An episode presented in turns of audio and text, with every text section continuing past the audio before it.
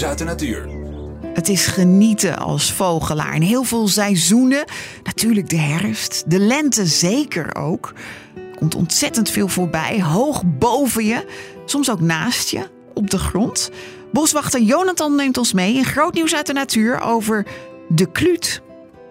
Ja, mooi hè. Kijk hier nu naar een eh, groepje kluten. Kluten is eigenlijk een, een steltloper. Wel eentje die kan zwemmen, zoals je hier eh, goed ziet.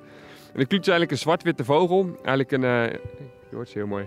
Kluut, kluut, kluut, kluut. Ze roepen een eigen naam. Mooi hè? Goed, hij is een hele mooie zwart-witte vogel. Met een heel mooi zwart petje. Een beetje zwarte, zwarte tekening op de, op de rug. En wat vooral bij de kluut heel mooi echt goed opvalt, is dat hij heel mooi dun rank snaveltje heeft dat helemaal omhoog gewezen staat. Je hebt altijd eh, eigenlijk twee vogels die, eh, in Nederland die dat heel duidelijk hebben. Dat is de wulp. Maar die wulp die, eh, daar gaat de snavel naar beneden. En dat is ook bruin, dus een hele andere vogel. En de kluut gaat de snavel omhoog. Ze hebben eigenlijk altijd dat ezelsbruggetje. Dat de kluut die wijst naar zijn tuut. En de wulp die wijst naar zijn gulp. dus eh, zo kan je het misschien onthouden. Die kluten die broeden hier op eh, de vogeleilandjes. En wat je nu eigenlijk ziet is dat ze nu net weer terug zijn uit Zuid-Europa en Afrika. Waar ze de winter hebben doorgebracht. Ze zijn nu druk bezig met eh fourageren hier. Kleine, kleine beestjes. En je, je, je merkt, je hoort het al, je ziet het al. Het is een beetje spanning in, er is een beetje spanning in de lucht. Net zagen ze al een beetje vechten. We zagen net ook al eh, paring. Dus Ja, ja, er, er gebeurt wat. ja, de paardjes worden verdeeld, de territoria worden gezocht. En die kluten die, eh, maken zich klaar om straks te gaan eh, broeden.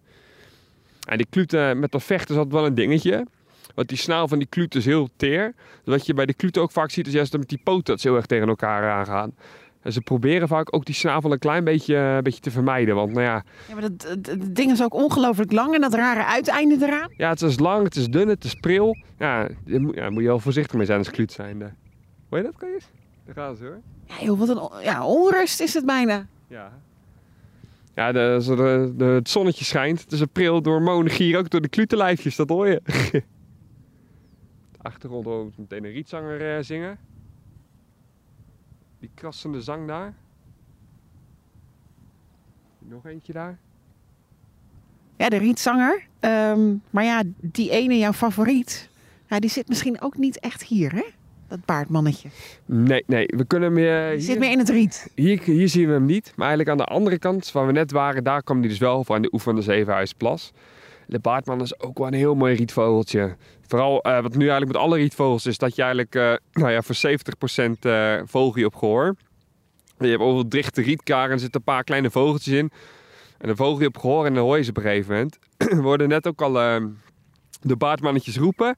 Maar zien, eh, laten zien deden zich niet. En het baardmannetje is eigenlijk een meesachtige. Maar wel eentje met een hele misleidende naam. Want het heet baardman, maar eigenlijk heeft hij alleen een grote hangsnor. Dus eigenlijk kan je hem weer een beetje snorremans noemen. En, en waarom is die jouw favoriet? Nou, dan komt dat een mannetje. Die heeft een hele mooie blauwgrijze kop. Heel mooi oranje-bruin lijfie. Een hele mooie lange staart. En dan van die hele mooie zwarte baardstrepen. Of nou ja, eigenlijk hangsnorren. Nou, wat ik ook wel lullig is bij de baardman... is dat eh, de vrouwtjes ook door moeten gaan als baardman. Ja, dus ja, voor de vrouw is dat misschien vrij oneerlijk. En die vrouwtjes die herken je omdat ze niet die blauwe kop hebben... en ook niet die grote hangsnor. Dus ja, het zijn geen vrouwen met baarden. Dat scheelt gelukkig weer. Precies, ja, daar heb je weer andere exemplaren voor. hey, maar er gebeurt iets bijzonders met eh, datgene wat dat baardmannetje eet. Ja. En wat er in dat lijf gebeurt. Ja, baardman is bij ons een vogel die het hele jaar door blijft. En eh, nu eh levert die vogel van insecten. Goed, je kan je voorstellen dat op een gegeven moment eh, oktober, november, het wordt koud. De insecten die gaan dood of die kruipen weg. Dus ja, dan eh, is er vrij weinig te eten over voor die baardman. Dus wat er dan gebeurt, is dat die baardman over gaat schakelen van dieet. dus die baardman die gaat door naar eh, zaden. En wat er dan op een gegeven moment ook gebeurt, is dat in die maag van die baardman, daar gaat ook van alles gebeuren. Dat begint langzaamaan mee te veranderen. Want je moet je voorstellen, insecten zijn zacht en die zijn makkelijk te verteren. Maar die zaden van dat riet, dat zijn, dat zijn harde zaden. En ja, er zit natuurlijk zo'n vlies omheen en dat moet je een beetje fijn kunnen malen. Wat je dat moment gebeurt, is dat langzaamaan die maagwand die wordt steeds dikker. En dan verandert voor alles in die maag, zodat die maag aangepast is om in de winter zaden te kunnen eten. En om dat extra fijn te kunnen malen, pakken ze altijd hele kleine steentjes. En daarmee eh, kan die maag het nog extra een soort van eh, fijn drukken, fijn persen. En op die manier kan die baardman dus ook hier in de winter blijven. En kan die over gaan schakelen op zaden. Ja, dus goed geregeld zou je zeggen. Maar we hebben te maken met, met warmer weer, steeds vroeger. Ja, wat je dus eh, krijgt, nou dat trucje doet hij twee keer. Najaar gaat hij op zaden. In het voorjaar wordt de maagwand steeds weer steeds dunner en dan kan hij weer op insecten. Wat we tegenwoordig zo nu dan eens hebben, is dat we ineens in februari is het 20 graden. Dus al die insecten die worden wakker. Dus nou, die eh, biologische klok van die baardman die gaat ook werken. En die baardman die gaat langzaamaan gaat die maag weer veranderen naar insecten. Nou, dat gaat prima. Totdat het ineens bijvoorbeeld in maart eh, het ineens weer een periode gaat vriezen. Ja, en dat kan heel funest zijn voor die baardmannen. Want die, die maag ondertussen staat hij op insectenstand. Maar moet ineens zaden gaan eten. Maar ja, eh, die maag die kan niet zomaar in één keer terug veranderen. Het is niet eventjes een vinger knippen en het is weer anders.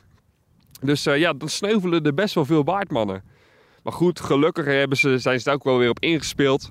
Een baardman krijgt uh, per jaar best wel veel jongen. En uh, nou, de populatie zal nooit helemaal uitsterven. Want in goede jaren heb je heel veel nieuwe aanwas. Hetzelfde geldt bijvoorbeeld met de ijsvogel. Dat is ook zo'n vogel. Die kan ineens van die vorstperiodes, er heel veel ijsvogels sneuvelen.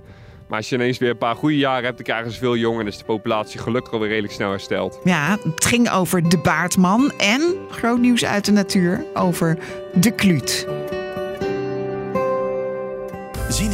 Podcast? Luister naar Bij de podcast. Via grootnieuwsradio.nl slash podcast.